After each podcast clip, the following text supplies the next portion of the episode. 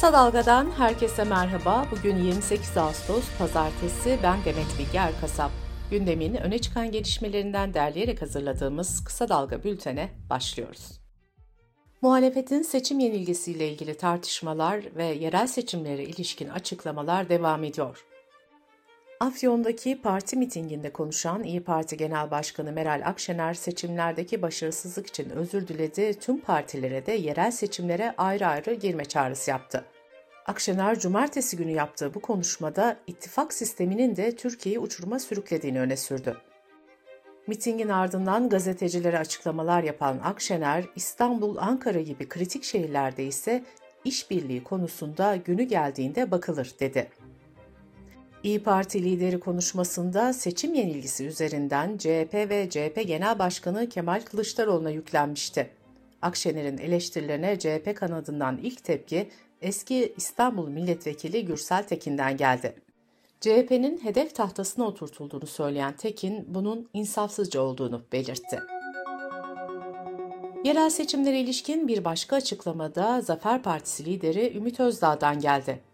Ümit Özdağ yerel seçimlerde kendi adaylarını göstereceklerini söyledi. İstanbul Büyükşehir Belediye Başkanı Ekrem İmamoğlu için de şu yorumu yaptı. Kendi kariyer planlamasını yapan bir belediye başkanının İstanbul'a faydalı olacağını düşünmüyorum. Kapatılması istemiyle açılan dava Anayasa Mahkemesi'nde devam eden HDP'nin 4. olağanüstü kongresi Ankara'da yapıldı. Kapatma davası nedeniyle siyasi çalışmalarını Yeşil Sol Parti çatısı altında sürdürecek olan HDP bu kongreyle çalışmalarını askıya alacak. HDP'nin yeni eş genel başkanları da Sultan Özcan ve Cahit Kırkazak oldu. Milli Eğitim Bakanı Yusuf Tekin yeni eğitim öğretim yılında öğretmenlerin rol model olmaları için beyaz önlük giymeye teşvik edileceğini duyurdu. Bakanın açıklamasında öğretmenlerin bir eğitimciye, bir öğretmene yakışır şekilde giyinmesi ifadesine yer verildi. Bakanın bu açıklamasına eğitim sendikalarından tepki geldi. Sendikalar, kurumsal teşvikin bir süre sonra dayatmaya dönüşeceğini belirterek bu kararın özellikle kadın öğretmenlerin giysileriyle ilgili olduğunu vurguladı. Sağlık Bakanı Fahrettin Koca da e-reçetem sistemine İngilizce, Almanca, Arapça, Fransızca ve Rusçanın da eklendiğini açıkladı. Sisteme Kürtçenin eklenmemesine HDP'den tepki geldi. HDP'nin sosyal medya paylaşımında hani Kürt sorunu yoktu, hani Kürtlere ayrımcılık yapmıyordunuz denildi. Rekor sıcaklıklara sahne olan yaz mevsiminin son günlerinde sağanak yağış müjdesi geldi. İç Ege, Ege'nin güneyi, Batı Akdeniz'in iç kesimleri ve Doğu Akdeniz'de yerel sağanak yağışlar görülecek. Yağışlar yarın da Doğu Anadolu bölgesinde etkili olacak. Kısa Dalga Bülten'de sırada ekonomi haberleri var. Memur ve memur emeklilerinin toplu sözleşme görüşmelerinde hükümet ve sendikalar zam oranında uzlaşamamıştı. Kamu görevlilerine ne kadar zam yapılacağına kamu görevleri hakem kurulu karar verecek. Kurulun kararı kesin ve herhangi bir itiraz yolu bulunmuyor.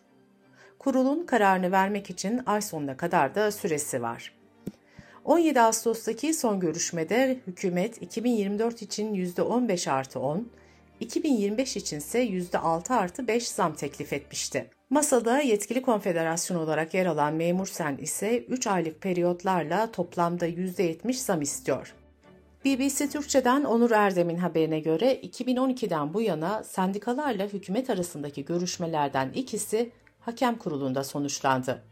Kurul iki seferde de hükümetin zam teklifini neredeyse hiç değişiklik yapmadan kabul etmişti. Hayat pahalılığı ve yüksek enflasyon devam ederken marketlerde dana kıymanın kilosu 300 liraya, kuzu kuşbaşının kilosu da 374 liraya çıktı.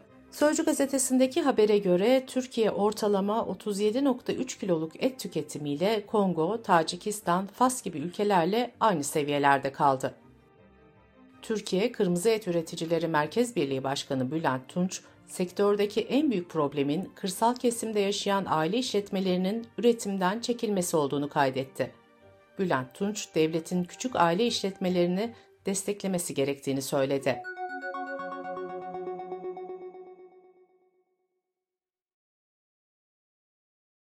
Hazine ve Maliye Bakanı Mehmet Şimşek, KDV oranlarını hatalı uygulayan mükellefler başta olmak üzere vergi kayıp ve kaçağını yakından takip ettiklerini belirtti. Şimşek, bugüne kadar 550 milyon lira kayıt dışı hasılat tespit ettiklerini ve 87 milyon lirada ceza kestiklerini aktardı. Hazine ve Maliye Bakanlığı IMF'den destek istendiği iddialarını yalanladı. Açıklamada IMF'nin Türkiye ekibinin değiştiği ve bu nedenle teknik ve rutin bir ziyarette bulunabileceği bildirildi. Ticaret Bakanlığı gizli fiyat artışı yapan firmalara uyarıda bulundu.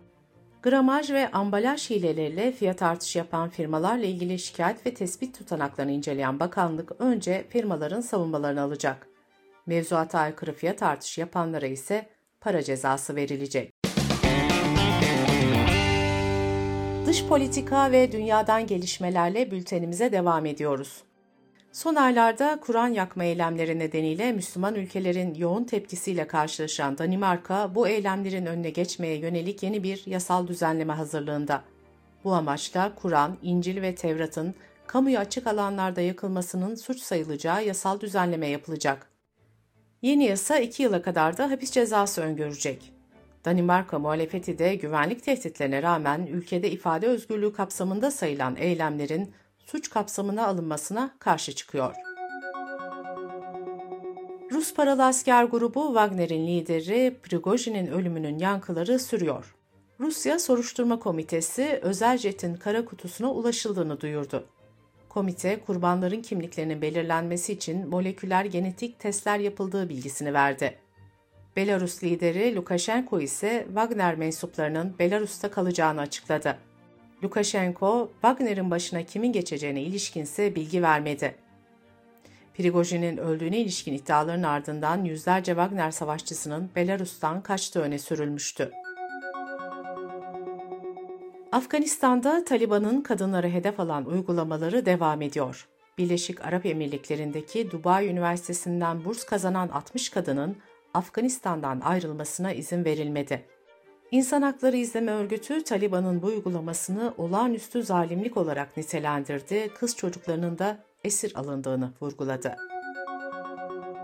İspanya'nın Cadiz kentindeki bir limanda muz konteynerlarının içine gizlenmiş yaklaşık 9,5 ton kokain ele geçirildi.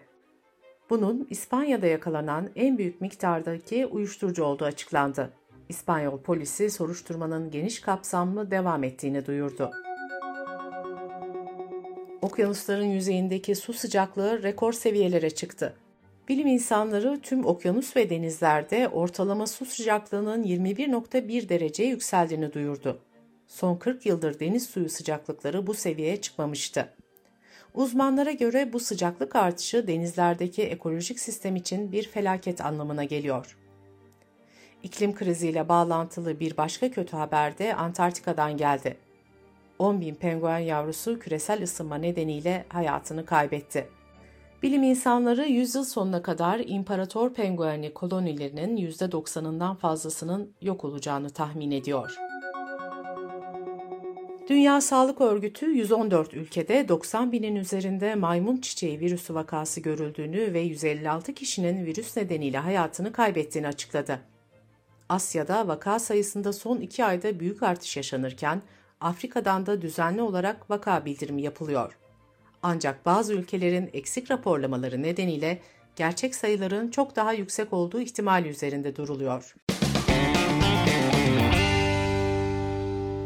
Bültenimizi kısa dalgadan bir öneriyle bitiriyoruz. Gazeteci İbrahim Ekinci, Merkez Bankası Para Politikası Kurulu'nun politika faiz artırımını ve bir haftanın ekonomik gündemini yorumluyor. İbrahim Ekinci'nin her hafta hazırlayıp sunduğu marjinal fayda programını kısa dalga.net adresimizden ve podcast platformlarından dinleyebilirsiniz.